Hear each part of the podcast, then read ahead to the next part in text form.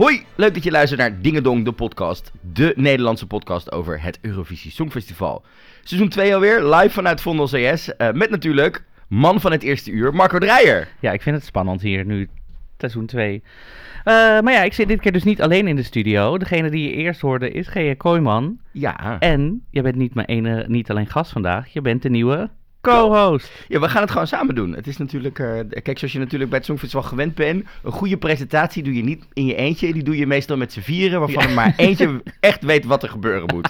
Dus ik denk dat er dit seizoen gaat, dat we gewoon op zoek moeten naar die drie anderen die er nog bij moeten komen. Ja, nou, ik wist Ehm. vorig seizoen niet wat er gebeurde allemaal. Nee, eh, even één vraagje vooraf. Omdat het een Eurovisie-podcast is. Ik hoef toch niet alles ook nog een keer in het Frans te gaan doen straks, hè? Halverwege de wel. Oké, dit, dit, dit, wordt een dingetje. Dat is namelijk dat... mijn Frans is niet zo goed, dus daar gaan we uiteindelijk nog een keer uitkomen. Ja. Maar ja, de reden dat we natuurlijk, eh, terwijl het half podcastland eh, eh, met de zomerstop is, omdat ze of kinderen hebben of denken, joe, ik ga lekker op een terras zitten, Mhm. wel zijn begonnen, is natuurlijk omdat het Songfestival dit, het, dit ja, het komende, ergens in de komende twaalf maanden Mhm. naar Nederland komt. Ja, woe! En dat is natuurlijk wel een van de mooiste en spannendste momenten om, om het Songfestival te gaan volgen. Dus het komende jaar hoor je ons elke twee weken over het Songfestival, over de geschiedenis, de toekomst, onze favorieten. Eh, we hebben een aantal gasten die we gaan uitnodigen. Mhm. Uh, en laten we beginnen om even heel duidelijk te stellen: we zijn wel fan van het Songfestival, Maar we weten niet alles. maar we weten niet alles. Gaan we straks ook nog achter Gaan we komen. Ik heb, eh, ik heb straks een mooi, eh, mooi spelletje voor je meegenomen waarmee we eens even gaan kijken wat, hoe onze kennis staat. Ja. Dus mocht je het komende jaar dingen horen van je denkt, ah, dit klopt of niet helemaal, of ah, jongens, jullie missen een stukje informatie, dan kan dat natuurlijk. Laat het Eh, weten. Laat het ons zeker weten. Dat kan, namelijk via de socials. Ja, die hebben we nu. Die hebben we gewoon niet. Het Dingadongcast. En een Ja. cast met een C natuurlijk, want podcast. Ja. Dus op eh, Twitter, Facebook, Instagram, je kunt ons vanaf nu overal vinden. Laat Ja. ons weten als we ergens compleet fout zitten of als we ergens je favoriete Songfestival-artiesten dan wel optreden ontzettend lopen af te kraken. eh, en, en dat je denkt, ho ho, maar dit is toch echt heiligschennis? Ja. Maar dat is aan de andere kant ook wel weer het mooiste aan het Songfestival. Eh, duizenden smaken, duizenden landen. En ehm, eh, dat is ook elk jaar denk ik wel het beste aan het Songfestival, toch? Ja. En wij waren één keer de beste, eindelijk. Nou, niet één keer, maar nu Ja. eindelijk weer. En daar gaan we het straks natuurlijk over hebben. We Mhm, gaan even mhm. terugblikken op eh, de overwinning van Duncan Mhm. Lawrence. Hoe het nou gekomen is, wat er daarna allemaal gebeurd is. Want eh, wat wij deze podcast opnemen is het mid-juli. Dat is echt wel twee maanden alweer nadat hij gewonnen heeft. Ja. Ik ben nog steeds niet bijgekomen, geloof ik. Nou, ik denk dat ik, en aan de andere kant denk ik dat mensen het ook ondertussen wel weer zijn vergeten dat we gewonnen hebben. Denk je? Ja. Maar ja, daar gaan we het dus straks over hebben. We hebben het straks over de overwinning van Duncan en natuurlijk de soap die de race van het bidboek heet. Oh my god. Eh, daar hebben we volgens mij ook wel genoeg over te spreken. Maar eerst even wat nieuwtjes eh, van de afgelopen weken. Mhm. Dan beginnen we met even terugblikkend naar het Songfestival van dit jaar in Tel Aviv. Want op het laatste nippertje is daar een cyberattack, dus echt zo'n lekkere eh hackaanval, is daar Mhm. voorkomen tijdens de finale met echt ongeveer een paar seconden eh, voordat het gebeurde. Dat vertelde namelijk eh Yigal Una, de directeur-generaal van de Israëlische Nationale Cyberraad, Mhm. dat ze dus tijdens de finale echt met een paar seconden eh, nog hebben kunnen voorkomen dat er een terroristische organisatie, De nationale finale of de internationale de, finale? inter- de internationale Ja, ja. finale, dus echt gewoon de grote finale ja. met onze Duncan erin, met Mhm. Madonna erin, met alles erop en eraan. Dat hadden ze misschien, misschien, oh, misschien hadden ze dat wel moeten hacken. Madonna wint. Nee, dat ze gewoon Oh. tijdens Madonna. Want wat was nou het idee? Er zijn dus eh, tijdens eh, er zijn dus terroristische organisaties geweest die hebben geprobeerd om het beeld te hacken. Ja. En dan dus beelden van terroristische aanslagen of bepaalde uitingen te laten zien. eh, tijdens die finale. Eh, ehm, en dus het signaal te kapen. En dat hebben Ja. ze uiteindelijk hebben ze het kunnen voorkomen. Ehm, maar ja, ze waren hier natuurlijk al bang voor. Hè? Want Mhm. tijdens de, eh, tijdens de eh, halve finales, de eerste halve finale op dinsdag, Ja. Is de uitzending die in Israël op tv is geweest, bij Kan, dat is de zender die het dit jaar produceerde Ja. voor Israël, eh, werden, kwamen er al teksten in beeld met eh, Israel is not safe, you will see, risk of missile attack, please take shelter, waarin eh, de, de, de uitzending dus wel al gehackt was. Ja, heftig. Ehm, maar ja, voor de finale hebben ze het dus kunnen voorkomen. Ja, dat is wel... pff, Ik vind het heftig. Ja, ik ook. Maar aan de andere kant denk ik ook wel... Maar niet, er werd niet zeg maar soort van gehackt en dan de stemmen gemanipuleerd of zo. Dus dat was niet soort van, dat hoor je ook. Ik bedoel, Nee, kijk, dat is niet voor een Songfestival. Live is live. Tenzij je Madonna heette, dan gooi je het daarna gewoon in een hele nieuwe versie op YouTube. Hè? Ja. Maar ja, ik vind het wel eng. Zeker omdat we dit jaar eh, in Nederland, en eh, dat las ik ook toevallig vandaag, ze hebben nu een innovatiewedstrijd uitgeschreven Mhm. om mee te denken in technische oplossingen, ofwel apps waarin eh, de fanbeleving eh, nog beter of Mhm. interessanter wordt voor eh, Eurovision 2020 hier in, het, Ne- hier in Ja. Nederland. Dus Nederlandse bedrijven mogen daar nu innovaties voor gaan bedenken. Ik denk, Mhm. ja, als ze het in Israël voor elkaar krijgen om een uitzending voor 200 miljoen man Mhm. te hacken, hoe gaan we dit dan straks doen met die apps, jongens? Ik, ik ben er niet helemaal op gerust dat dit nu... Maar zijn wij, ik bedoel, wij hebben niet per se terroristische organisaties hier in Nederland. Dat is wel iets verder weg. I don't know, ik bedoel, ik heb geen idee. Hè? Nee, dat klopt wel. Maar ja, aan de andere kant is het natuurlijk wel de uitzending in het jaar Mhm. waar de 200 miljoen of meer mensen naar kijken. Ja. Dus, eh, maar in ieder geval blij dat het in ieder geval niet gelukt is in, eh, in Israël. Maar het was Ja. echt op het nippertje schijnbaar. Het werd afgelopen week in, eh, tijdens Cyber Week in Tel Aviv Ja, heftig. nieuws naar buiten gekomen. Ik vond het redelijk heftig. Ik vind het heel heftig. Ja. Volgend nieuwtje. Mhm. Het ondertussen na de afgelopen twee jaar toch wel een beetje favoriet geworden van de afgelopen jaren. Cyprus. ja, maar echt. Cyprus heeft besloten dat ze, of in ieder geval bekendgemaakt, dat ze wederom weer meedoen aan het Mhm. Songfestival in Ja. 2020. Kijk, ik ben heel benieuwd. Ja, kunnen zij überhaupt nog wel, denk je over de afgelopen twee jaar heen? Ik bedoel, twee jaar geleden werden ze met Eleni Furera, met Fuego, werden ze tweede. Tweede. Vorig jaar gingen ze met eigenlijk een soort van hetzelfde recept, met Tamta, Mhm. weer die kant op. En was het eh, Mhm. van tevoren één van de favorieten, Mhm. maar bleek ze in de repetities en in de finales toch wel een beetje weg te zakken. Maar het nummer van Eleni is toch eigenlijk geschreven voor Tamta, maar Tamta kon niet dat jaar? Ja, en Dat het jaar daarna hebben ja. ze letterlijk gezegd, we willen een tweede Fuego hebben, dus Ja. Tamta, doe je best. Als Doe je ze let's over go. elkaar heen legt, dan... Nee, ze moeten wel beter. Maar hebben ze niet met Eleni eigenlijk dat jaar ook soort, niet officieel gewonnen, maar ook is dat nummer niet populairder nu dan... Nou, ik denk dat het een van de weinige jaren is waarbij allebei de nummers nog steeds wel kunnen. Als Ja. ik, als ik, ik draai natuurlijk zelf als DJ af en Mhm. toe in, in een aantal gay clubs. Je kan en Fuego en Toy nog steeds draaien. Mhm. En allebei zijn nog steeds even grote hits. Maar ik denk als je kijkt naar wie het grootste, grotere impact heeft gemaakt... dat je denk ik wel bij Lenny uitkomt hoor. Ja, dat denk ik ook. Ik bedoel, die is natuurlijk ook zo slim geweest om echt praktisch elke Pride in Europa af te gaan de afgelopen Mhm, twee jaar. Waar mhm. Netta vorig jaar heel druk liep. Oh nee, ik kom alleen maar eh, bij een aantal, want ik ben heel druk en ik ga ook nog naar Amerika. Ja. Nee, eh, dus ik denk, ja, ik ben heel benieuwd of ze eh, volgend jaar wat ze gaan neerzetten. Of ze weer met zo'n sterke vrouw komen en denken, ja. we gaan toch een beetje voor de iconische pop sterren. Of dat ze in één keer met iets anders gaan komen. Het werkt wel. Het, het werkt, zeker. Ja, kijk, ze deden natuurlijk voor het eerst mee in 1981. En ze Mhm. zijn een van de weinige landen die het Songfestival nog steeds ook niet gewonnen heeft. Ja. Dus eh, ja, ze zullen wel moeten ondertussen natuurlijk. Ik zit ook nu te denken wat ik dan nog van de jaren voor hun... eh, Even denken, wat ze ook in Ik ook niet. Ik kan me altijd dingen van Malta herinneren, maar van. Cyprus dan weer niet. Dus ik denk wel dat ze... Ook niet echt misschien ze, als we wat opzetten dat we dan eh, dat ik het wel weet of zo. We gaan gewoon een uitzending maken met alle uitzendingen van Cyprus. En we gaan gewoon eens kijken van eh, wat zouden ze volgend jaar moeten gaan doen. Ja, ja ik, maar ik zou nu niet zo dingen kunnen roepen of zo. Nee, ik ook niet. Ik kom dan echt bij Fuego en bij, bij Replay uit van de afgelopen Ja. twee jaar. Ja, ik, nee, geen idee. Ik ook niet. Ander land, wat trouwens ook alweer heeft bevestigd dat ze meedoen. Mhm. Want dat krijg je nu langzaam. Hè? Die, Mhm. die landen beginnen nu langzaam te vertellen. Wij doen wel of wij doen niet mee volgend jaar. Ja, Eh, en dan vanaf september ongeveer, vanaf, vanaf 1 september gaat het los met de selectie qua liedjes en Ja. dat soort dingen. Maar het land wat ook alweer gezegd heeft, eh, we doen mee. En ook wel een succesnummertje van dit jaar. Mhm. Zwitserland. ja. Natuurlijk dit jaar met eh, Luca. Luca Hanni met zijn Mhm. Dirty Dancing. Dirty Dancing, da, da, da, da, da. Ja.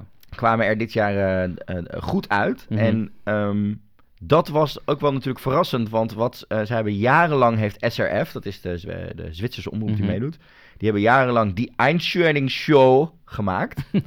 Eh, een nationale selectie waarin Zwitserland mocht stemmen op artiesten Ja. en nummers en daar kwam dan de selectie uit. Ja.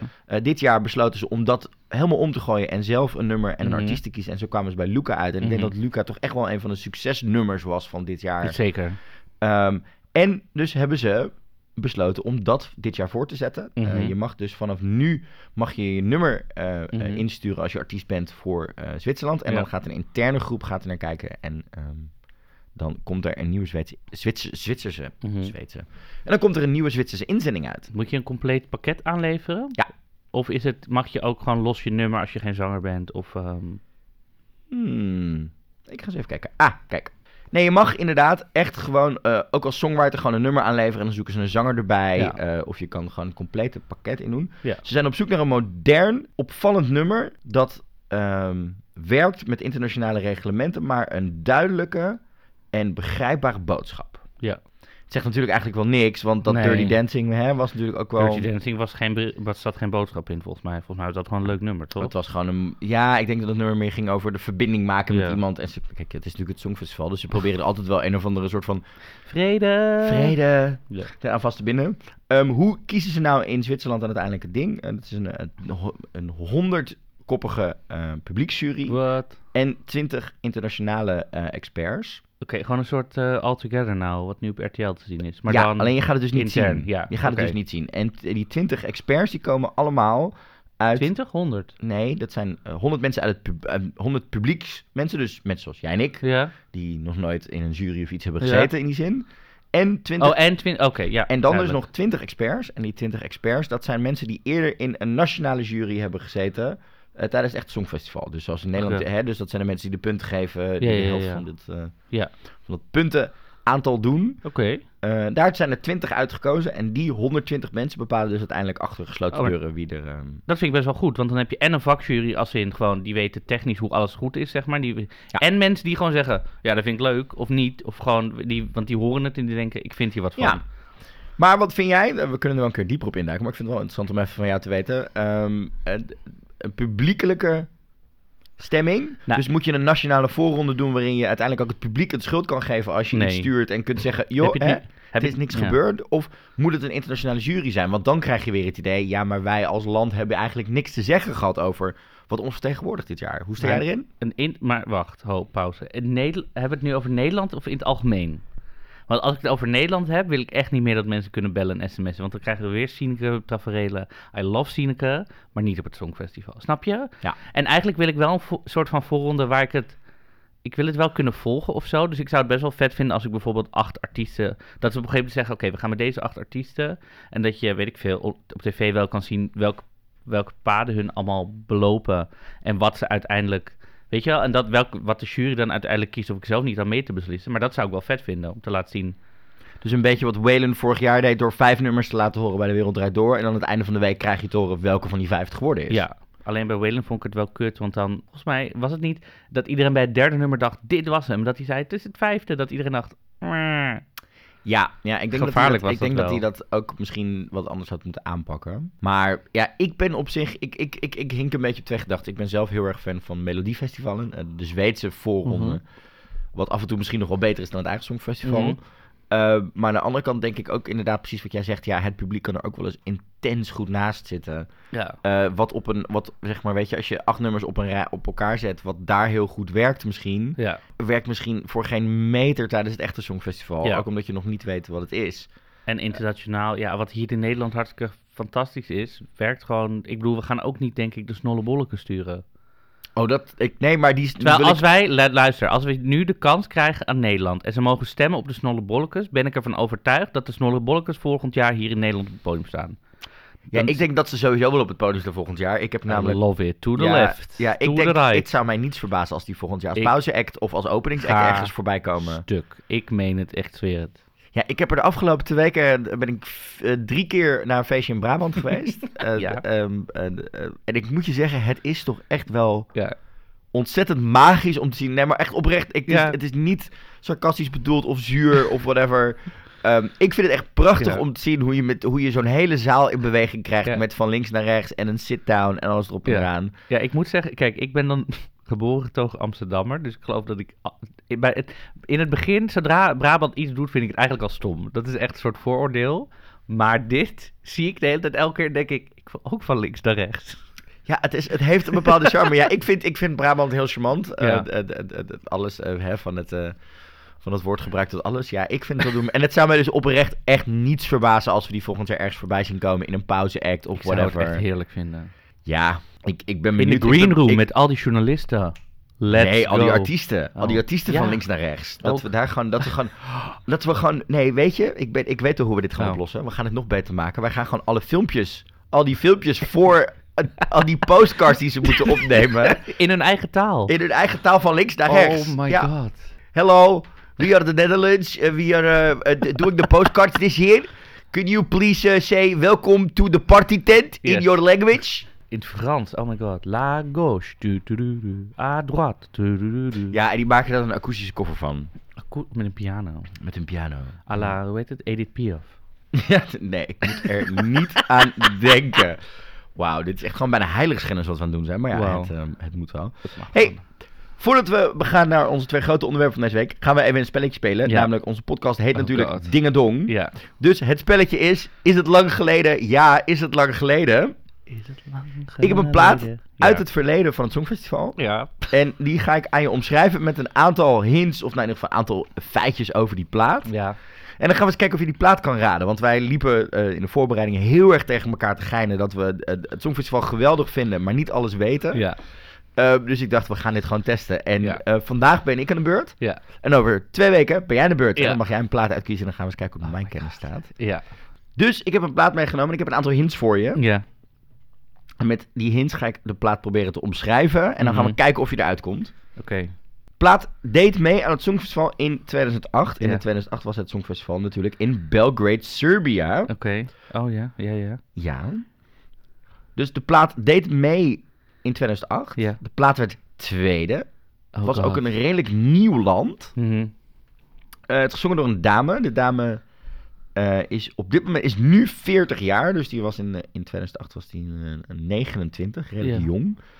Eh, de plaat is gekozen in een nationale finale. Waarin deze dame zes nummers zong. En dit de favoriet was. En het was ook haar eigen favoriet. Ja. Eh, En ze deed het nummer. ehm, ehm, ze had een hysterisch kort jurkje aan. Dat is wel even een hele belangrijke. ja. En drie achtergronddansers. Drie- Was het... Mag ik, mag ik vragen stellen of zo? Je mag voor mij best een vraag stellen. Was het, was het uptempo? Het was zeker een uptempo nummer. Oh god, is dit... um, oh god, dit is echt...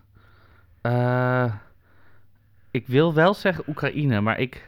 Ja, Ja, dat is helemaal goed. Echt? Oh my Oekraïne. god, maar ik... eh, Dan ga ik je gewoon nog niet geven. Ze heette Annie Lorak. Oh, oh, oh, oh. eh. En ze Eh, zingt over- eh, over Is een- het... eh, wacht, eh, is het niet... Het lijkt op dat Zwitserse Dirty Dancing van dit jaar, maar dan soort van... Oh, die, die, die, die link had ik dan weer niet gelegd. Nee, niet qua muziek, maar de titel. Is het niet ook iets van Dirty Dancing of, of Dancing? Het is niet of... dirty, maar het zit wel in die... Oh god. Eh, mm, ik, mm, ik verder. Ik ga het je gewoon vertellen. Ja. Het is Shady Lady van Annie Lorak. Shady lady, I'm gonna strike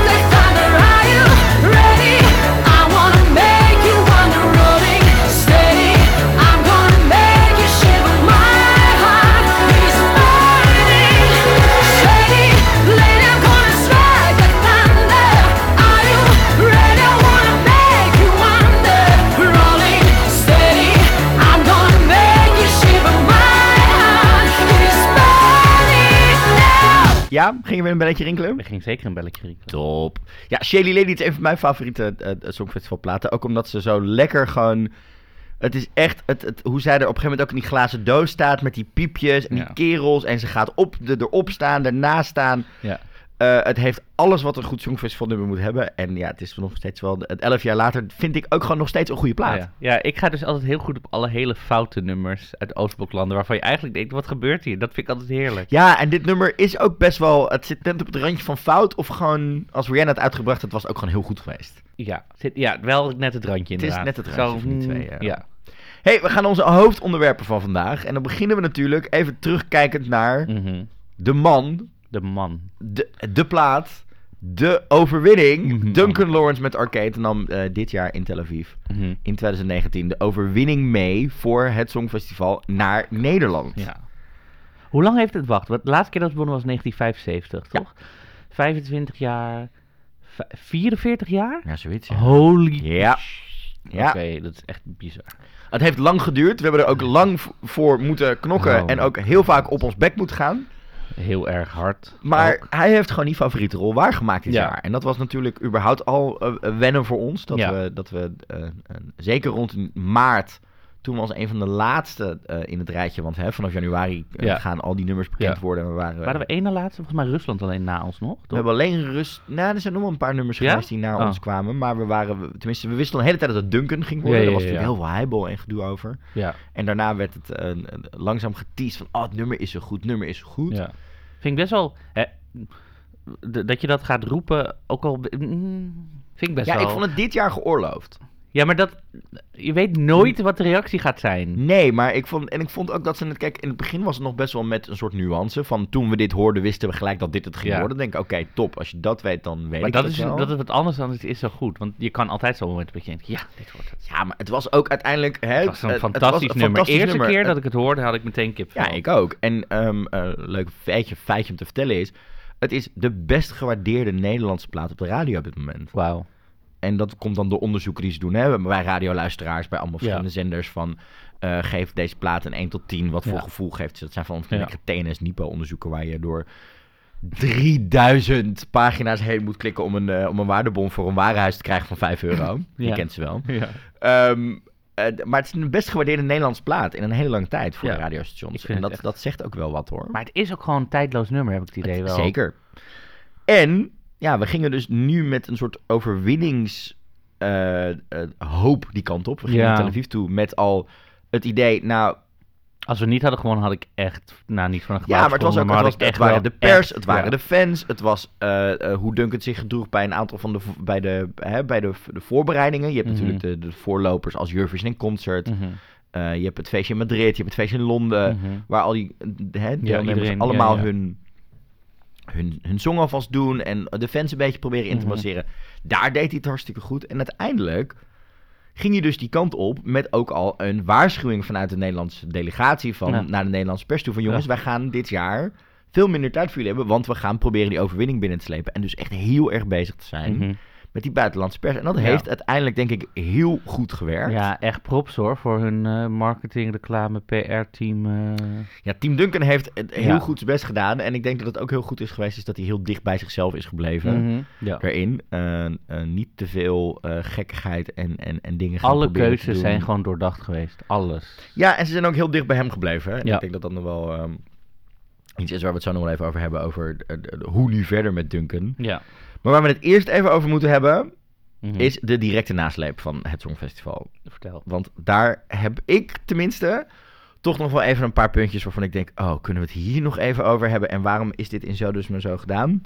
Gooi En ze op tafel. dan ben ik ook wel een beetje... en dat is, heeft ook wel te maken met eh, de, de, de angst die ik nu begin dan te krijgen... voor het Songfestival 2020, Mhm. als ik dit zo gezien heb. Ja. Want wat gebeurde er? Ten eerste gingen we direct na de overwinning... gingen we naar Cornald en Jan... eh, op het podium live met Duncan. Dat was heel tof. Dat was Ja. echt dat was een heel mooi rauw moment. Omdat je denk ik ook zeker bij Cornald kon aflezen Mm. dat die man... eh, Hè, die man is denk ik voor heel veel Nederlanders de, de personificatie van het Songfestival. Ja.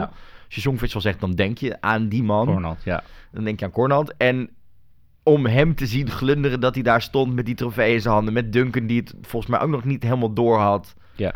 Ehm, was een heel mooi moment. Het was heel tof dat ze dat direct konden gaan doen. Mhm. Eh daartussendoor zat natuurlijk nog even onze grote vriendin. En serieus, ik ga alles op alles zetten om haar dit jaar hier ergens nog in die uitzending te krijgen. Koningin der Nederlanden. Sinds het Songfestival. Emma Wortelboer. Oh my god. I love it. Echt.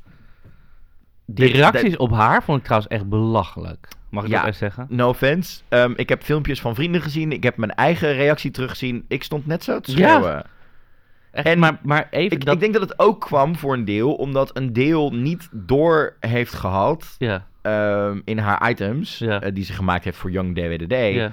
dat zij echt diehard fan is van het Zij is naar. Duitsland en België in een busje gegaan om Ze heeft, Duncan ze te heeft een, promoten. ze heeft een, does- nee, ze heeft een dingadong tatoeage laten Ja, zetten. met Waylon. Ze heeft Waylon zover gekregen dat hij zijn plek opgaf, want de, hè, de traditie is, de artiest van het vorig Ja. jaar geeft de punten sinds Ja. een paar jaar. Ehm, ja, ik, het, het, het- dus Emma Wortelboer can do no wrong. Toen gingen we dus naar Cornald en Jan met, Ja. met, met Duncan. Super tof. Ja, En toen gingen we naar, volgens mij naar Pauw, ja, die op, met een extra uitzending zaten. ja. En toen kwam die zondag. En daar ga ik toch echt wel even, hè, een soort van op mijn spreekstoel zitten. Wat ontzettend kneuterig was die ontzettende, was die dag, die echt de dag had moeten worden voor Duncan, dat wij na 44 jaar, je Ja. zei het net zelf al, het Songfestival weer winnen. ja. Was echt in alles in Nederlandse publieke omroep kneuterigheid gedaan. Ehm, ten eerste kwam hij aan op Schiphol in een TL-bak. Nou, je kent de, de aankomsthallen van Schiphol. Ja. Waar zijn oma dan met geluk voor een hekje stond. Er, waren, er was niks neergezet. Nee. Er was niet confetti als hij die deur uitkwam. Eh, het was ook niet duidelijk aangekondigd van zo laat komt hij. Ik heb het helemaal gemist. Nee, ja, dat was nou, ik niet. Ik, heb het, ik wist dat het was, maar ik ben door een redelijke kater heen geslapen. En toen doorgegaan naar een uitreiking van een, bepaal, van een prijs die dag. Ja. Het- dus daar begon de knulligheid al. Met, Ja. met niet echt eh, eh, een persconferentie in Nederland. Mhm. Terwijl de helft van die journalisten hem al gesproken had. En hij voor hen het zelf nog maar drie uur had geslapen. Ja. Maar dan het ontvangst door die fans, dat was al ding één. Ja. Maar nu gaan we naar wat voor mij dan echt wel een beetje het, het, het pijnlijkste is. Die uitzending bij Pauw op zondagavond. Heb je die gezien? Nee. Nee. Dat had echt zijn, zijn moment moeten worden. Het Maar wa- moment, het moment waarin je Ja. hem op een voetstuk zet. Ja. Wie zetten ze daar naast hem neer? Nou. Natuurlijk Cornat en Jan, dat is helemaal geen probleem. Dat Maar ook een aantal prominenten van het Songfestival van de afgelopen jaren. Dus natuurlijk, hè, Gertie Kaspers zat er en... ehm, ehm, oh, ik ga nu zo door, door de grond heen, maar... ehm, zij van de Troubadour, Ja, Lenny Koer. Lenny Koer, die zat er ook. Rutja Kot zat er, Gerard Joling. En die Mhm. wilden, gingen, en dan, die gingen allemaal vertellen over hun beleving van Songfestival... en wat ze van Duncan vonden. Zijn ouders zijn een halve minuut aan het woord geweest. Die backing vocals heb je helemaal niet gehoord. Nee. Ehm, Ilse kwam even voorbij waaien, maar ook niet heel erg. Oké. Ja, ik vond het echt een hele knullige Maar uitzending. hoezo moet Pauw dat programma? Laat... Ja. Ik had Emma fucking een programma. Dat had ik Nee, ja, je veel had jonger. echt... Kijk, en, en dan, dan schakel ik even terug naar het jaar daarvoor. Het jaar daarvoor kwam Netta kwam aan in, volgens mij, Tel Aviv. Ja. En stond daar s'avonds op een plein voor 25.000 man. Ja. Heeft twee keer de nummer gezongen en een speech gehouden. En werd gelijk Ja. door de minister en de president en door de burgemeester Ja. en door iedereen ontvangen. Mhm. En ging daarna, was er een mooie special met haar Ja. over met haar familie en haar producer en Ja. alles erop en eraan. Maar waarom in Hier Nederland... is hij Ja. letterlijk de tweede week van juli pas gehuldigd in Ja. Hellevoetsluis. Ja. Maar waarom... Want in Nederland, als we iets winnen, voetbal, dan is er, loopt het hele land leeg, zeg maar.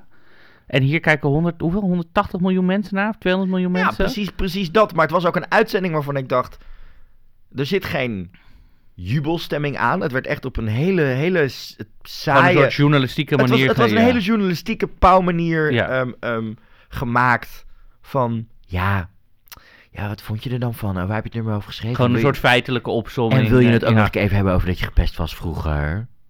Wat? Hebben ze het daar echt ja, over daar hebben ze gehad? het natuurlijk wel weer over gehad. Maar hoezo? Nou, het was bijna op die, eh, dat weten jij en ik heel goed, eh, de, de, de, manier die RuPaul gebruikte tijdens de finales van RuPaul's Drag Race. Oh, vertel even over Hier heb je jezelf. een foto van, je, Oh van je vijfjarige God. zelf. Wat zou je diegene nu willen vertellen, Duncan? Oh my God. Ja, en dan ik dacht, dit, en kijk, je hoeft van mij geen 30 showtrappen neer te zetten, maar als wij al weken weten Ja. dat wij de publieksfavoriet zijn, Ja, dat we bij de bookies, voor. Ja. dat we echt wel een grote kans maken, dan bouw je toch een, een, een soort van al de helft van dat podium op het Museumplein op, of de Dam, of desnoods op het Mediapark in Hilversum. ja, verzin iets. Daar, zet je, dan, daar heb je geen vergunning of iets voor nodig. Dan Nee. kun je het gewoon neerzetten. Dan zet je een podium neer. Je maakt heel duidelijk, jongens, hij komt aan. We willen hem met z'n allen huldigen. Ja. Dus op Schiphol ga je hem ook niet zien.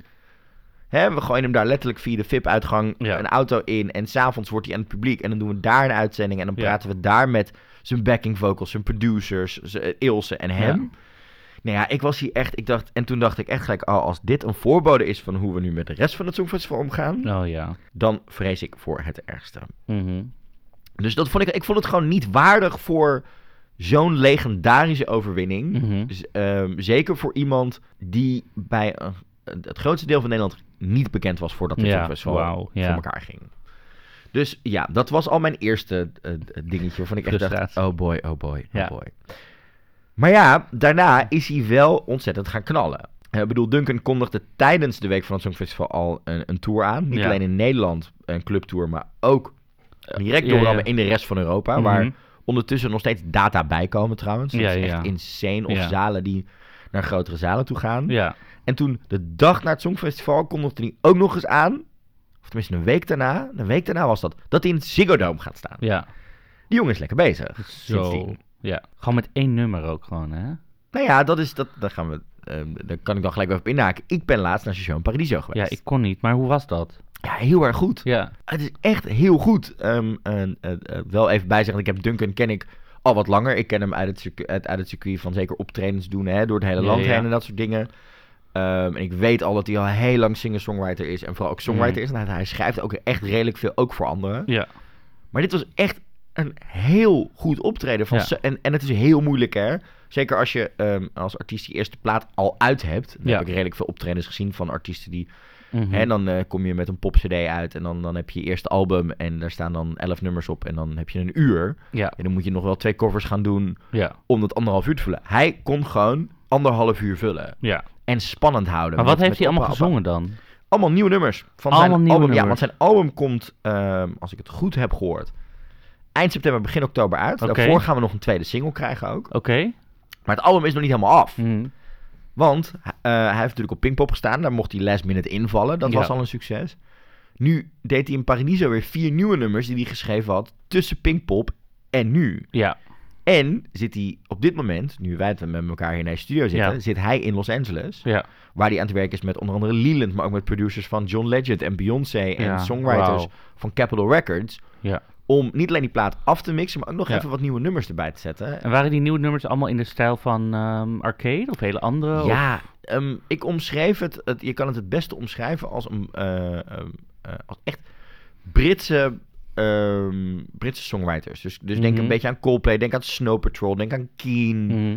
Ja. aan, aan van die hele sfeervolle Ja, ja, ja. pop. Oké. Ehm, maar dingen die heel up tempo zijn, dingen die heel erg eh, integer en, en klein zijn, nog kleiner Mhm. dan arcade. Ja. Eh, ook een aantal nummers die heel erg, weet je, dat, dat Coldplay gevoel van arcade hebben met dat, dat meezingen. Ja, ja, ja. Ehm, Gewoon het hele herkenbare dat je meteen denkt, oh ja. ja, dat meezingen Ja, van, ja. weet je, van die, die wow. Nou, die, die zit daar dus heel erg, eh, in een aantal nummers wel, in een aantal nummers zit het niet.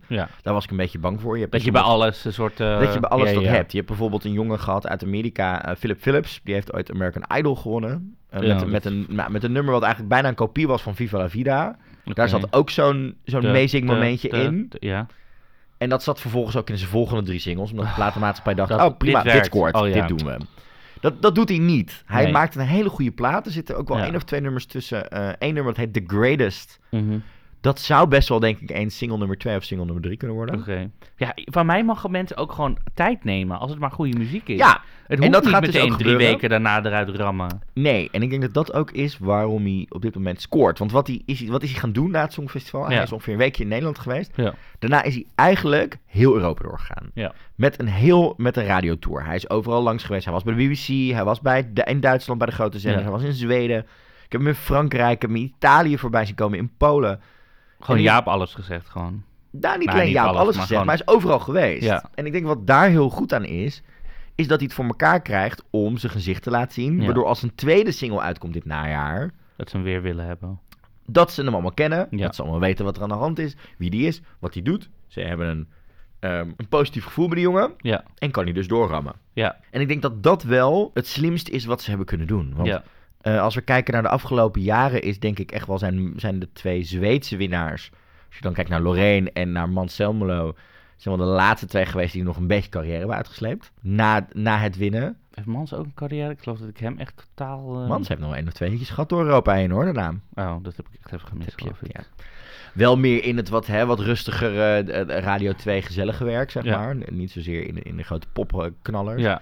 Maar ja, ik denk, dit is wel de manier. Kijk, wat Duncan natuurlijk wil, is op Mhm. een hele goede manier een carrière opbouwen. En inderdaad, toeren. Volgend jaar Ziggo Dome uitverkopen. Ja. Eh, en een tweede plaat gaan maken. Ja. En, en een langdurige carrière laten Ja. In plaats van eh, het, het stigma wat heel vaak hangt aan het Songfestival winnen. Is namelijk één plaatje en daarna kun je eigenlijk alleen nog maar dat. Ja. Ehm, dus ik denk dat hij heel goed bezig is hoor, dat betreft. Ik denk dat je op die manier echt wel gewoon een carrière in zit. Waarin we echt een, een kans hebben om naast alle grote DJ's en producers die we afgelopen jaren geleverd hebben eh, aan de wereldhitlijst. Ja, ja, zou dit eindelijk voor het eerst wel weer eens iemand kunnen zijn die echt golden earring stijl groots Nederlands het, het buitenland kan gaan veroveren. Zeg maar die droom die een Kane en Anouk en al dat soort bands al jaren hebben, maar niet voor elkaar krijgen. Ja. Oké, wow. Maar wat, wat, wat, wat vind jij van zijn... eh, eh, hij, is niet, hij is ook niet heel erg zichtbaar geweest in Nederland de afgelopen twee maanden. Nee. Ja, ik heb hem ook een beetje... eh,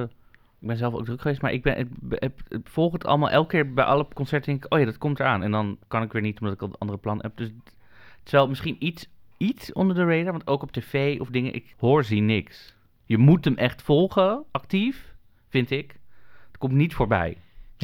Als je hem dan volgt trouwens op Instagram, is hij wel echt ondertussen... eh, ik weet niet of je het gezien hebt, maar hij was deze week eh, in L.A. Had een beetje last van zijn jetlag, dus ging hij een stukje wandelen. En toen besloot hij om een Q&A te gaan doen op, onder zijn Instagram-post. Mhm. Hij heeft op dit moment al meer dan duizend vragen beantwoord onder die Oh Q&A-post. Waaronder de vraag van eh, onze favoriete presentator van dit jaar. Ja, Wat? de presentator van dit jaar. Welke van de vier? Ja, Assi Azar. Oh, die als eh salaris heeft weggegeven aan... is dat die? Zeker, Ja, onze, ja. onze, onze, onze, onze Oh, onze. LBGT-presentator, Oh, zeg maar.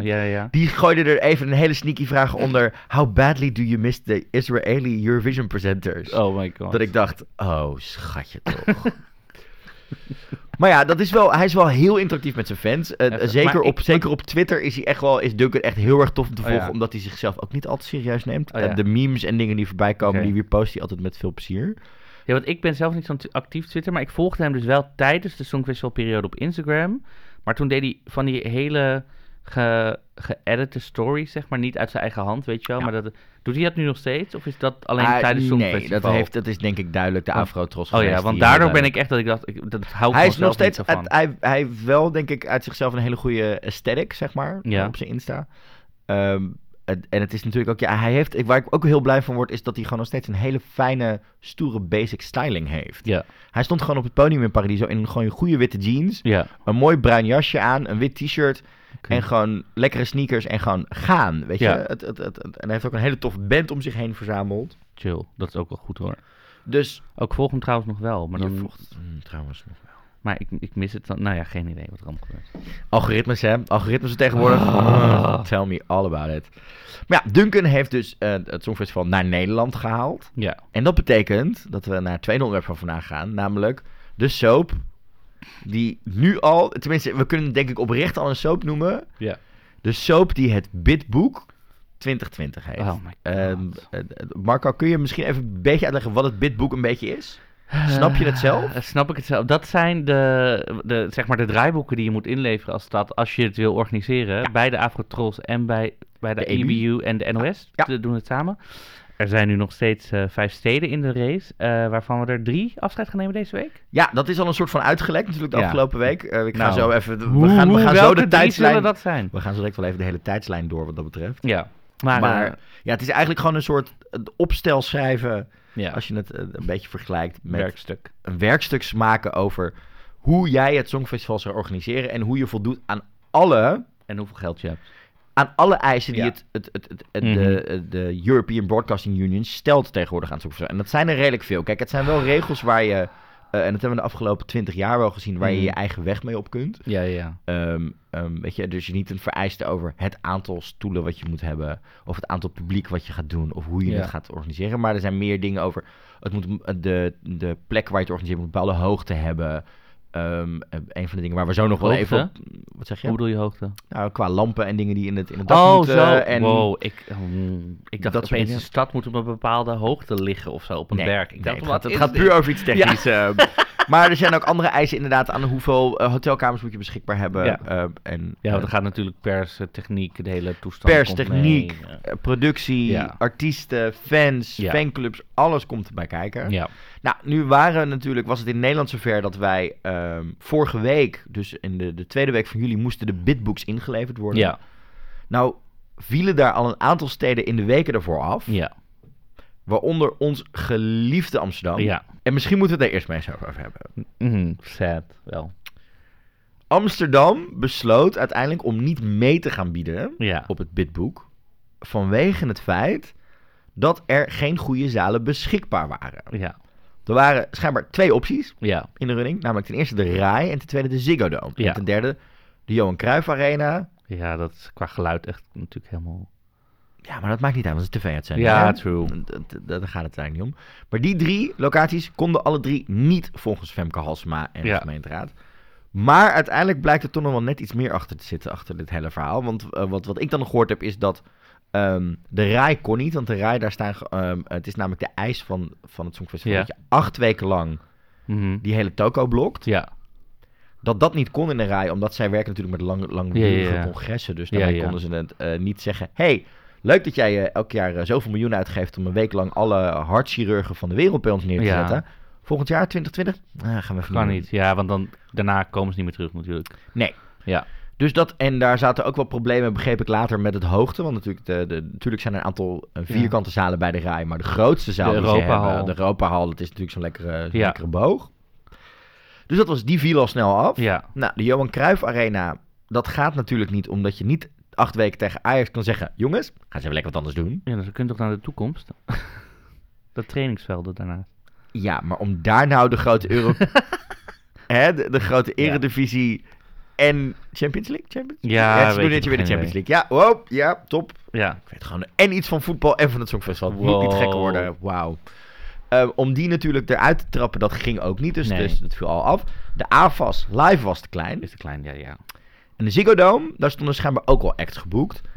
En nu snap ik dat natuurlijk wel, want eh, eh, Mojo en Live Nation is natuurlijk half eigenaar van Ziggo Dome. Mhm. Die hebben natuurlijk, die zijn die zaal natuurlijk eigenlijk een soort van begonnen omdat ze ruzie hadden met Ahoy destijds. Mhm. En ja, als, als, als je er alle grote namen de afgelopen tien jaar al voorbij hebt zien komen bij de Ja. Ziggo Dome, dan ga je als eigenaar van Ziggo Dome niet heel veel halen uit het evenement Mhm. daar doen. Je kan zeggen, oh, het is bij ons geweest. Ja.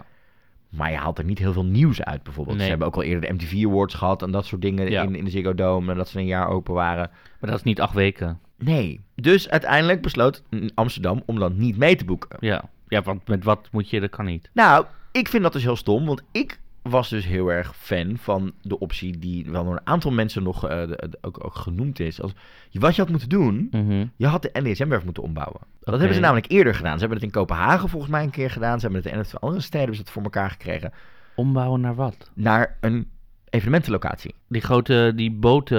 Ja. Die grote hallen van de NDSM-werf. Oké. Dat is namelijk al jaren staan die een beetje te verpauperen. Ik bedoel, het is leuk dat er nog steeds die tweedehands markten gebeuren... en dat, er, eh, dat digital daar eh, hun ding mag Ja, doen. ja, ja. Maar nu had je de kans gehad om het goed te verbouwen. ja. Had dat gekund in een jaar, denk je? Het- het- het- ze hebben het in meerdere landen voor elkaar gekregen. Om binnen een jaar echt... Ze hebben, ze hebben het in Baku voor elkaar gekregen... om binnen een Mhm. jaar een heel Mhm. stadion uit, De grond te stampen. uit de grond te stampen. Ja, true. Dus waarom hadden wij dat hier in Amsterdam niet kunnen doen? Ja. En daarvan begreep ik uiteindelijk dat het daar een beetje gestrookt is bij, of een beetje gestrand is bij eh, de gemeenteraad die zoiets had. You, leuk en aardig, maar we gaan er niet heel veel geld aan. Nee, ja, oké. Dus de grote favoriet Amsterdam viel al af. Mhm. Toen hielden we nog vijf steden over, namelijk Utrecht, Ja. Maastricht, Mhm. Rotterdam, Mhm. Arnhem en Sertogenbos. Ja. En die hebben vorige week allemaal een bidboek ingeleverd. Ja. Ja. Heb je dat gezien? Ja, dat heb ik gezien. Oh, dat, die live sessie. Nee, dat heb ik weer ook gemist. Je, ik kom echt als een hele slechte fan over. Ik heb het alleen maar teruggelezen. Maar het schijnt echt een soort grap. Het was eh, zo nou, wederom heel kneuterig. Knullig, ja. Ehm, maar als je die vijf ziet, waar gaat jouw voorkeur naar uit? Ja, ik durf het bijna niet te zeggen, maar toch wel Rotterdam dan. Want? Ja, ik, weet, ik vind dan de omgeving Rotterdam, dat is dan toch weer gewoon een hele fijne moderne stad. Ik, mm, ik ja, ik, weet- qua gevoel, dat zegt mijn gevoel gewoon. Maastricht is ook gewoon zo ver. Maar ja, maar er zijn natuurlijk ook mensen die zeggen, ja, maar Maastricht ligt lekker dicht bij België en bij Duitsland. Ja, maar denk Ja, ik, dat ja. is natuurlijk wel waar zij nu heel erg hè, hun, hun, hun, hun. Maar wij organiseren het toch? Laat België lekker zelf winnen. Ja, maar het heeft er natuurlijk mee te maken dat, dat, dat, dat, dat EBU... eh, zij, zij hebben natuurlijk ook een beetje een sneaky... Een week van tevoren een soort van een berichtje naar buiten lo- Ja. lopen lekken. Dat bij de EBU eh, Maastricht toch wel echt favoriet was. Vanwege de ligging en het Omdat verdrag het van Maastricht. Ja. En het drielandenpunt en dat soort Ja. dingen. En Rotterdam reageerde gelijk. En ook de, eh, volgens mij de Ja. Met eh, leuk en aardig. Maar de bitbooks zijn nog niet eens ingeleverd. Dus Ja. een favoriet bestaat er echt nog niet. Maastricht, leuk geprobeerd. Ja. Niet nog een Maar keer bij, doen? in Maastricht zou het zijn in TFAF, toch? Nee, in de Mac. Oh, dat ken ik De Mac is eh, de, de rij van... van eh, Oké. Oh, maar daar wordt... Daar sorry. wordt de Ja, gehouden. Van zo- is een beurs die je in de Mac houdt. Ja, inderdaad. sorry. Jezus. Ehm, en zij zijn echt... Maastricht heeft natuurlijk kei en keihard voor elkaar proberen te boksen dat ze dat doen. Ja. Ehm, is dat groot? Het is, het is best groot, ja. Nou, het, een andere stad die natuurlijk heel erg uh, voor zich spreekt... omdat ze de grootste zaal van de vijf eh, Hebben. steden hebben... is Arnhem, Mhm. met Gelredome. Mhm. Nu zeg ik persoonlijk uit ervaring... ik ben nog nooit zo vaak met vertraging... of niet meer thuisgekomen naar concerten in het Gelredome... Ja. dan, eh, dan bij hun. Ja. Ik bedoel, die zaal is gewoon leuk neergezet... midden in een woonwijk. Mhm. Maar of met de trein, of met de auto, of met een taxi, of whatever. Je bent altijd met vertraging te Ja. laat weg daar. Ja. Dus dat vijf avonden achter elkaar, dan hou ik mijn hart vast voor hè, Ja. eh, wat daar gaat gebeuren. Dus, dus dat vond ik al niet helemaal ding. Nee. Ja, Den Bosch, Maar waar in Den Bosch dan? ja, dat, de Brabant hadden denk ik dan. Maar die hele stad is daar toch helemaal niet ready voor? Nee, en toen kwamen ze natuurlijk ook, Ook wel die aanzetten met de, en- met de slogan... Doe ze de groeten. Ja, nou... Echt alle nekharen, alles gingen bij mij overeind staan. Dat ik dacht, oh, dit is wel heel kneuterig. Maar die stad kan dat toch ook helemaal... ik- eh, het is altijd zo rustig daar. Die mensen worden Ik heb helemaal geen idee, maar ja, zij denken dat ze het kunnen. Ja, true. En Maar waarom wil zij het dan nog meer doen? Gewoon zomaar. Ik denk, ja, ik denk, kijk, het is natuurlijk, het is echt, Ja, je haalt heel veel eruit hoor. je haalt er heel veel eruit. maar wat is zeg maar, kijk, zoals Maastricht zegt, we hebben de drie landpunten, we hebben het verdrag, zeg Ik maar. heb, ik heb ge- eigenlijk helemaal geen idee wat een bos. Ik heb me er ook niet helemaal in gelezen. Had ik misschien even moeten doen. Maar Nee, want kijk, bij Arnhem wist ik ook dat ze dan de grootste zaal hebben. Utrecht het, oosten, weet je, dat Ja. soort dingen. Maar het Den Bosch, ja, ik snap hem ook niet helemaal. Moet ik eerlijk zeggen. En natuurlijk de laatste. En dan ook wel een beetje, dat vond ik gelijk het probleemkindje. Ja. Utrecht. Maar waar moet het dan in Utrecht plaatsvinden? Nou, zij hadden besloten, ehm, ehm, de jaarbeurs is te klein, of Ja. te laag. Dan Ja, komt, dus, dan komt die eis van, de van de hoogte bij kijken. Dus wij gaan een tent slash venue bouwen buiten. Nou, dat is wel, dat is eerder gebeurd, hè. Dat is niet uniek. Mhm. Maar, wat het Tent? Ja, Oké. maar het, Utrecht had wel een aantal andere punten waarvan ik dacht, dit is dan weer typisch Nederlands. En dit, baart, dit is waarom, hè, ik sprak het aan het begin al uit. Er zijn een aantal dingen waarom ik me toch een beetje zorgen maak over het Songfestival Mhm. 2020. En, en dit was een mooi voorbeeld. Utrecht zei namelijk, ja, in de regels staat dat de EBU wil iets van 500 touringcars Ja. die vier weken lang 24-7 beschikbaar zijn. Ja. Nou, dat vinden wij onzin. Ze gaan maar met de fiets of het OV. Dus daaraan voldoen we al niet. Oké. Wat is dat voor recalcitrant? Dat ga je dan... Oké. Het is een soort van zeggen, ik kom wel naar je feestje, Ja. maar ik hou me niet aan de dresscode. Ja. Hoezo? Ik bedoel, ik zou het ik heel weet- grappig vinden weet- als mensen met de fiets overal heen gaan. Hoor. Ja, maar het ding is, het is ook nodig. Want Ja. je hebt natuurlijk gewoon 40 landen Ja. eh, eh, eh, die een delegatie hebben van 20 man. ja. En die moeten steeds naar die hotels toegebracht worden en terug. Je wil die namelijk, omdat zij zoveel te doen hebben, ontlasten. En daar zijn die bussen voor. En je wil ook Fiets.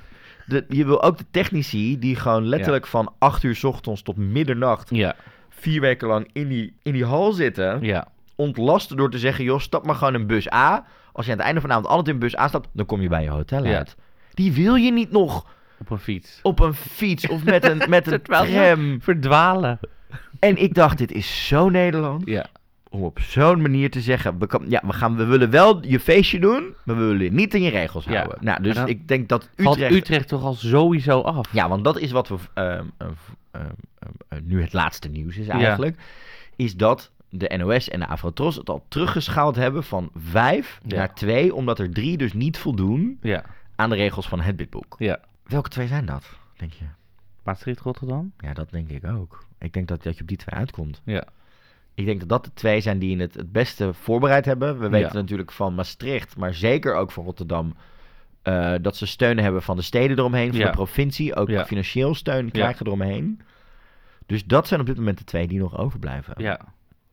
En dan gaat mijn voorkeur toch wel uit naar Rotterdam. Ja, mijn ook wel. Het heeft er denk ik ook mee te maken met het feit dat je daar... ehm, gewoon qua architectuur, qua musea, qua cultuur... Mhm, mhm.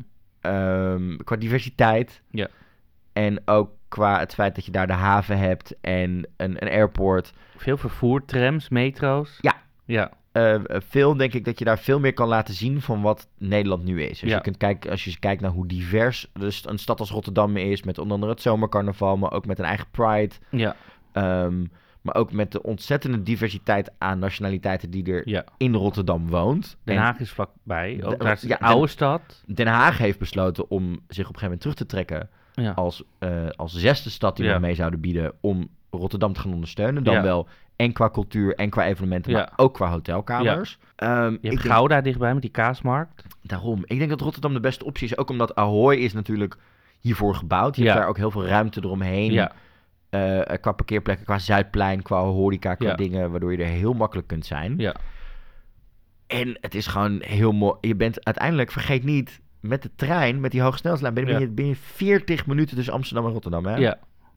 Het enige wat mij dan weer een beetje zorgen baart over. Rotterdam, en datzelfde heb ik over eh, Maastricht nog meer, Ja. maar Rotterdam, niet zo heel veel homo-horeca in Rotterdam. Nee, maar dat kunnen we toch tijdelijk omdopen? Ik zeg, we gaan gewoon al die, al die, ehm, al die kroegen gaan we gewoon kapen daar. Ja, dat is toch niet zo moeilijk? Dat Nee, maar het is, wel, vast ja, het is wel jammer, weet je. Het is je jammer, maar Het is ja. jammer, omdat je, eh, je hebt niet echt een grote... eh, de Gay Palace is, is, is natuurlijk dicht daar. Ja. Ehm, nu heb je natuurlijk wel Villa Thalia, waar twee, drie keer per gay, toch? Nou, er zijn wel grote gay feestjes. Miss Travesty Holland wordt daar gehouden. Ja, ja. Eh, WTF is daar één keer in dezelfde tijd. Cocktailfest is natuurlijk uit Rotterdam. Dus het biedt wel mogelijkheden. Maar het is niet een plek waarvan ik als Nederlander zeg... Oh, Ja. hier kun je een hele week goed kroegen stappen en een hele avond... Maar Milkshake Indoor is daar ook dit jaar voor het eerst. Ja, ze zeggen met Rotterdam Pride eh, doen zij de afterparty. Ja, Dus het is even afwachten. Maar we komen er denk ik binnenkort wel achter. ja, Welke, welke, hè? ja.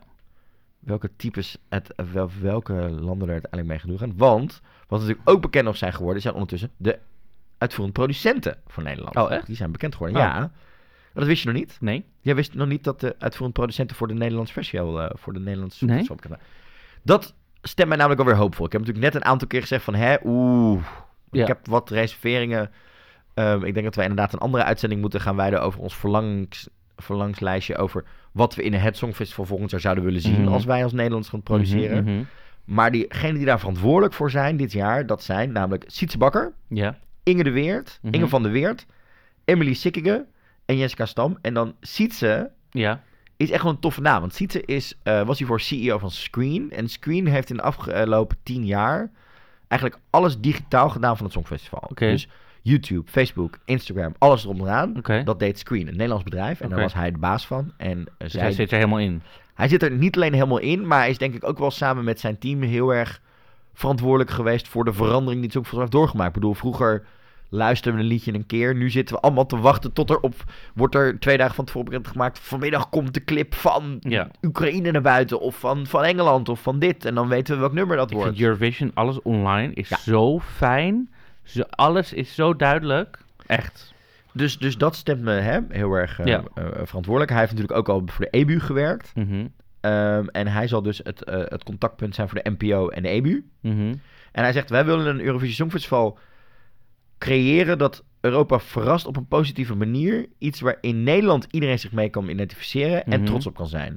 We hebben een, eh, de lat hoog gelegd, Mhm. maar er is zoveel talent en creativiteit in Nederland dat ik, me, eh, dat ik echt zeker weet dat dit kan. De ambitie van het team om iets echt iets speciaals van te maken, samen met de gekozen stad of regio, wordt echt geweldig. Ja. En dan heb je, dus dat is Sietse. Dan hebben we Inge. Inge, Inge van der Weert is ook een eh, veteraan. Mhm. Zij is namelijk drie jaar hoofd van de delegatie geweest tussen Ja. 2007 en 2009. Mhm. En ze is producent geweest van de Dutch Royal Wedding van Maxima en Willem-Alexander in 2002. Zo. Dus die vrouw heeft echt wel ervaring met ja, grote evenementen. grote evenementen met een strak draaiboek. ja. Waar het ook om emotie gaat. Waar je dus, dus op moet inspelen op momenten die er gebeuren. In plaats Ja. van. Is je, gewoon- weet, je weet wel, ze lopen een pad af. Maar je moet ook op de emotie en de momenten in kunnen spelen. En dat, eh, dus daar heeft ze heel veel ervaring mee. Ja. Dan hebben we Emily Singing, Sikkingen. Die is eh, sinds 2010 eh, heeft, is daarna hoofd geworden van de delegatie, van de Nederlandse Songfestival-delegatie. Dus iemand die de afgelopen jaren, ehm, nou, inderdaad, Waylon, de Common Linnet, Treintje, Anouk, Ja. het Douwe Bob, noem het maar op, allemaal heeft begeleid. Ja. Dus weet van de klap van de zweep zijn, maar ook weet wat je als delegatie wil hebben Mhm. Van een songfestival. Dus Mhm. die zal denk ik ook heel erg kijken naar hoe maak je het beste songfestival voor zo'n delegatie. Want vergeet niet, die zijn toch wel vier weken in een soort van molen beland. Waarin je dingen moet en dingen gevraagd wordt. En zelf maar moet kijken wanneer je überhaupt slaapt. Mhm. Ehm, dus ik denk dat dat ook wel een hele goede is. Ehm, dus dat zijn ongeveer dan, hè, dat zijn dan de drie die daarmee eh, echt wel gewoon een Mhm. goed songfestival neer gaan zetten, denk ik. Ja. Omdat je met heel veel verschillende ervaring gaat kijken. Wauw. Oké. Klinkt goed wel, dit. Klinkt, dus dat stemt me dan weer Ja. positief. Ja. Dat we met die club het Songfestival Ja. gaan doen.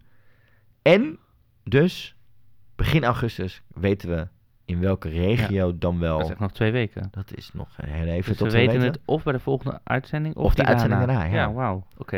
Dan kunnen we misschien ook wel meer gaan uitstippelen over wat we willen zien, wat we kunnen gaan doen Ja. op die manier. En wat we niet willen zien. Dat ook. En, ook nog even leuk om te vermelden, Mhm. eh, we krijgen twee Songfestival winnaars naar Nederland binnenkort. Oh? Ja, tijdens de Amsterdam Pride. Ja. Oh, dit, ja. Ten eerste op zaterdag kun je eh Conchita Woest al bewonderen. Die zit namelijk in Mhm. de jury van de botenparade. Dus die Mhm, zal mhm. eh, op het VIP-deck op de Amstel, drijft op de Amstel zijn. Ja. En die treedt ook op zondag op de Dam in Ja. Amsterdam. Samen met. Netta. Netta komt ook langs zetten. Dus twee van de... Vorig jaar hadden we natuurlijk, was Eleni het gast. Alleen, ja, ja. Eh, dit jaar hebben ze dus twee winnaars. Twee winnaressen zelfs. Ja. die dit jaar eh, op de Dam komen kijken. Dus mocht Ja. je fan zijn van het Songfestival en denken... Oh, die heb ik nog wel eens een keer live willen zien. Ja. Dit is je kans. Ik kan je eh, uit persoonlijke ervaring vertellen dat Netta echt wel heel tof is. Ja. Gaan, ze één, gaan ze één nummer of gaan ze echt Het een zijn wel aantal een paar nummers, ja. Ja, Ja toch? Eleni heeft vorig jaar op vrijdag volgens mij twee nummers gedaan. Op zondag zes uiteindelijk. Hoppa. Het was ook heel tof, heel fijn. Eh, weet je, de, de artiesten hebben tegenwoordig heel veel eisen en dingen en dingen. Het was natuurlijk bloedheet. Ja. En ze had gevraagd om ventilator, want ik was vorig jaar eh, bij de productie betrokken. Inside information. Maar weet je, dan stel je je toch altijd voor dat het echt zo'n Beyoncé... Ik wil vier ventilatoren, ze moeten aan, anders doe ik het niet. Ja. Nee, zij en haar team was gewoon echt heel lief. Heel... Zij heeft zelf de ventilator aangenomen. Nee, maar zij kwamen het gewoon heel lief vragen. Ja. Van, we snappen dat het hè, moeilijk is en dat het een drukke productie is. Maar Ja. is het nog gelukt om de ventilator aan te sluiten? Ik denk, ja. ah, top. Daar wil je... Dat, dat, Ja. dat, dat laat dan ook wel weer zien hoe je hè, met zulke mensen Ja. omgaat. eh, dat soort dingen. Dus wil je Conchita en Netta live zien... dan moet je op zondag eh, 4 augustus naar de Dam toe komen... Mhm. voor de closing party van Pride Amsterdam. Zin in. Hoe laat ze staan, dat is nog even een verrassing. Ja, dat heeft gewoon eh, de timetable. Komt vanzelf wel. Nee, dat is natuurlijk het mooiste met de, zondag van de Pride. Wij doen niet aan een timetable. Ah. Je komt voor de hele dag of je komt niet. En er zitten nog hele mooie andere verrassingen ook tussen, Marco. Ah, komt Sineke. Nee, nee, nee, nee. Wil ik het niet- wel trouwens nog een keer over hebben? Want ik, Ik, vind ga het heel, ik vind. Sineke top. Het, ik heb van de week Ik maak, altijd gezien. ik maak altijd grapjes over Sineke, maar I love Sineke. Ik ook, maar uiteindelijk is het wel... Uiteindelijk denk ik, is zij wel iemand die je... ehm, eerder herinnert aan het Songfestival dan een aantal andere namen van de afgelopen jaren. Oh ja hoor, echt. Ik denk, ik denk dat half Nederland niet meer weet wie Gianfranca is, maar wel wie Sineke is. Nee, maar dan moet je gewoon zeggen, die met die indianentooi. Ik denk dat ze dat nog niet weten, of het nummer ook niet meer Oh, zingen. Terwijl Sineke was wel iconisch. Dat is iconisch. Maar ook hoe zij gekozen is, daar gaan we het ook van. Daar gaan, wij gaan hier, wij gaan een Sineke uitzending doen. We gaan die vraag gewoon bellen. Wij Dat gaan die vraag gewoon bellen of we gaan. Ik wil, ben best benieuwd hoe zij nu, na al die jaren terugkijkt op het Songfestival. Ja. En ook op het feit dat, ehm, ik denk wel dat, dat, dat haar Ja. deelname en de daam, deelname van Joan Franca zijn, Ja. wel, zijn wel het kantelpunt geweest. Voor waar we daarna heen zijn gegaan. En heeft bijgedragen aan daarna. Kwamen na hun Anouk? Daarna zijn we met Anouk Ja. en ehm, de Ja, hele riedel begonnen. eh, ja, ja. En je kan er veel van zeggen. Eh, je, je kan dat ook op negatieve nieuw. Maar ik denk dat het een positief ding is dat we dat geprobeerd hebben. Mhm. Dat we de Nederlander lieten mee bepalen wat er gebeurde. Mhm. En eh, vader Abraham aan het hoofd van de jury zetten die niet kon kiezen. Dat ik denk, Ja. oh. Ja. Ehm, maar dus we gaan, dat is ons doel voor seizoen 2. Sineke. bespreken. Uitzending met Sineke. Missie Sineke. Ik vind het helemaal goed. Dat kan sowieso. Marco, zit erop. Aflevering 1 van seizoen 2. Oh, enthousiast. Ik vind het superleuk. Ik denk dat we Het hele toffe dingen gaan Veel doen. Ik ben, gestructureerd nu. en ik ben heel benieuwd waar eh, het komende Songfestivaljaar heen gaat. Zeker nu het in onze eigen achtertuin gaat gebeuren. Want zo klein is zo- ons landje wel. Zo excited. Ja.